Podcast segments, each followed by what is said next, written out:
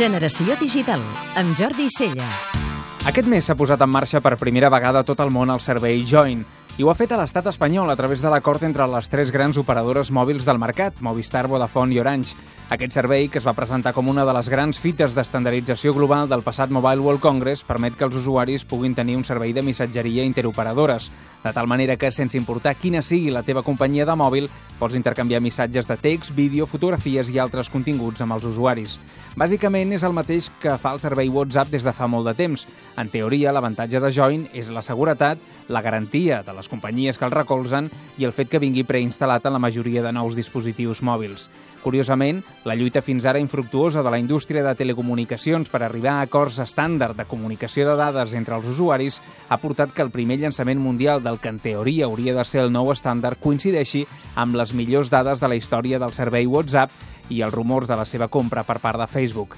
L'anunci de la posada en marxa de Join també coincideix, i no és un fet menor, amb l'expansió espectacular que està assolint el servei d'origen asiàtic Line.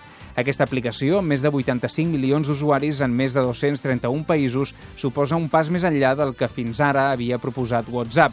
La seva empresa creadora és Next Human Network, un spin-off de Naver, el portal de continguts amb més èxit a Corea.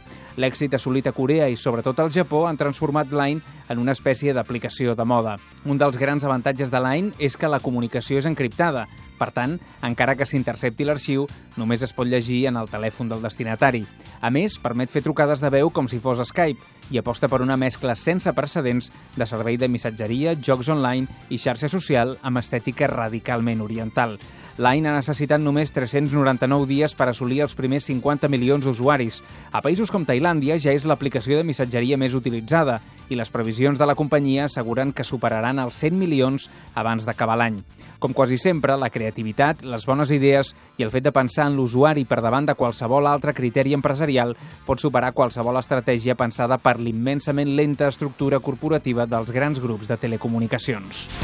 Podeu escoltar Generació Digital cada dissabte de 4 a 6 de la tarda a Catalunya Ràdio.